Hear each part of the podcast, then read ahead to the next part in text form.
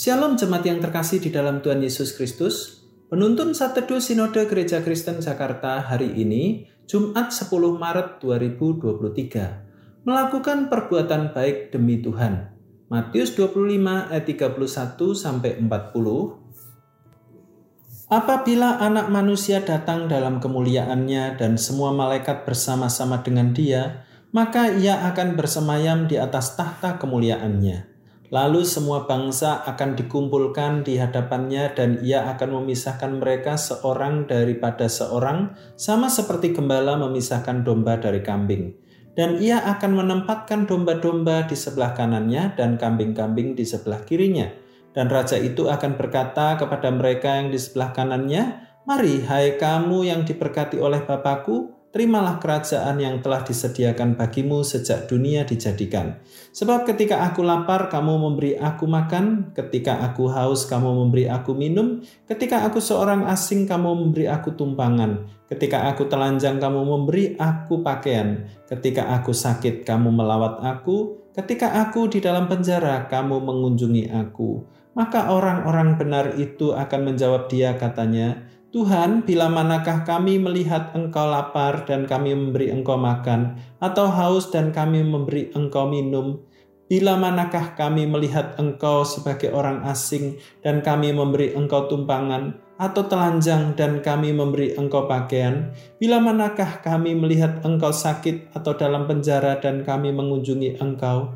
Dan raja itu akan menjawab mereka, Aku berkata kepadamu, sesungguhnya segala sesuatu yang kamu lakukan untuk salah seorang dari saudaraku yang paling hina ini, kamu telah melakukannya untuk aku.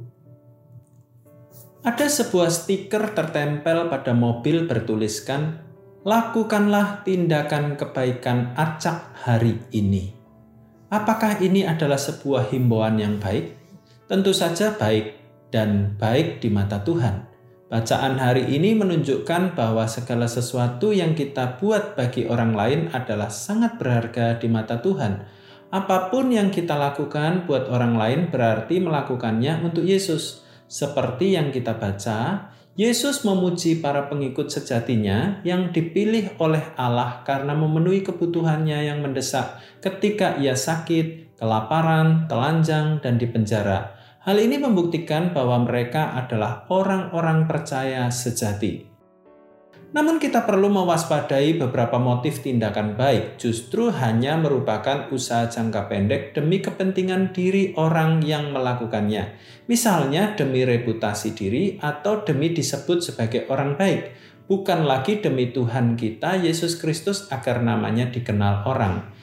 Kita melakukan kebaikan bukan untuk keuntungan pribadi, melainkan karena kita adalah anak Tuhan yang baik.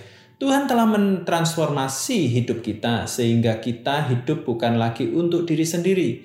Seorang pria sedang menuju kantor tempat ia bekerja. Ketika ia melihat seorang wanita bersamaan menuju ke arah pintu, ia membukakan pintu baginya. Wanita itu kemudian berterima kasih serta berkata, anda membukakan pintu bagi saya karena saya seorang wanita yang cantik, bukan? Pria itu dengan sopan menjawab, "Bukan karena Anda seorang wanita cantik, tetapi karena saya seorang pria yang baik." Demikianlah sepatutnya seorang percaya memahami mengapa ia melakukan apa yang ia lakukan. Yesus mengingatkan kita agar memberikan perhatian dan pelayanan kepada orang-orang yang berada dalam kondisi tidak menguntungkan. Mereka itu mewakili Tuhan dalam penjara, dalam ketelanjangan, kelaparan, dan sakit tanpa adanya pengobatan yang memadahi. Memberikan perhatian dan melayani mereka tidak mendatangkan keuntungan apa-apa, namun melayani mereka adalah perwujudan akan kasih kepada Tuhan Yesus Tuhan Yesus mendorong kita untuk melihat sekeliling kita yang dekat dengan kita. Perbuatlah sesuatu yang baik demi Tuhan sendiri. Jika motivasi hanya untuk Tuhan dan bukan untuk manusia, maka pelayanan kita akan bertahan lama dan tidak mudah kendor karena banyaknya persoalan yang muncul. Perbuatlah sesuatu yang baik demi kemuliaan nama Tuhan. Selamat beraktivitas, Tuhan Yesus memberkati.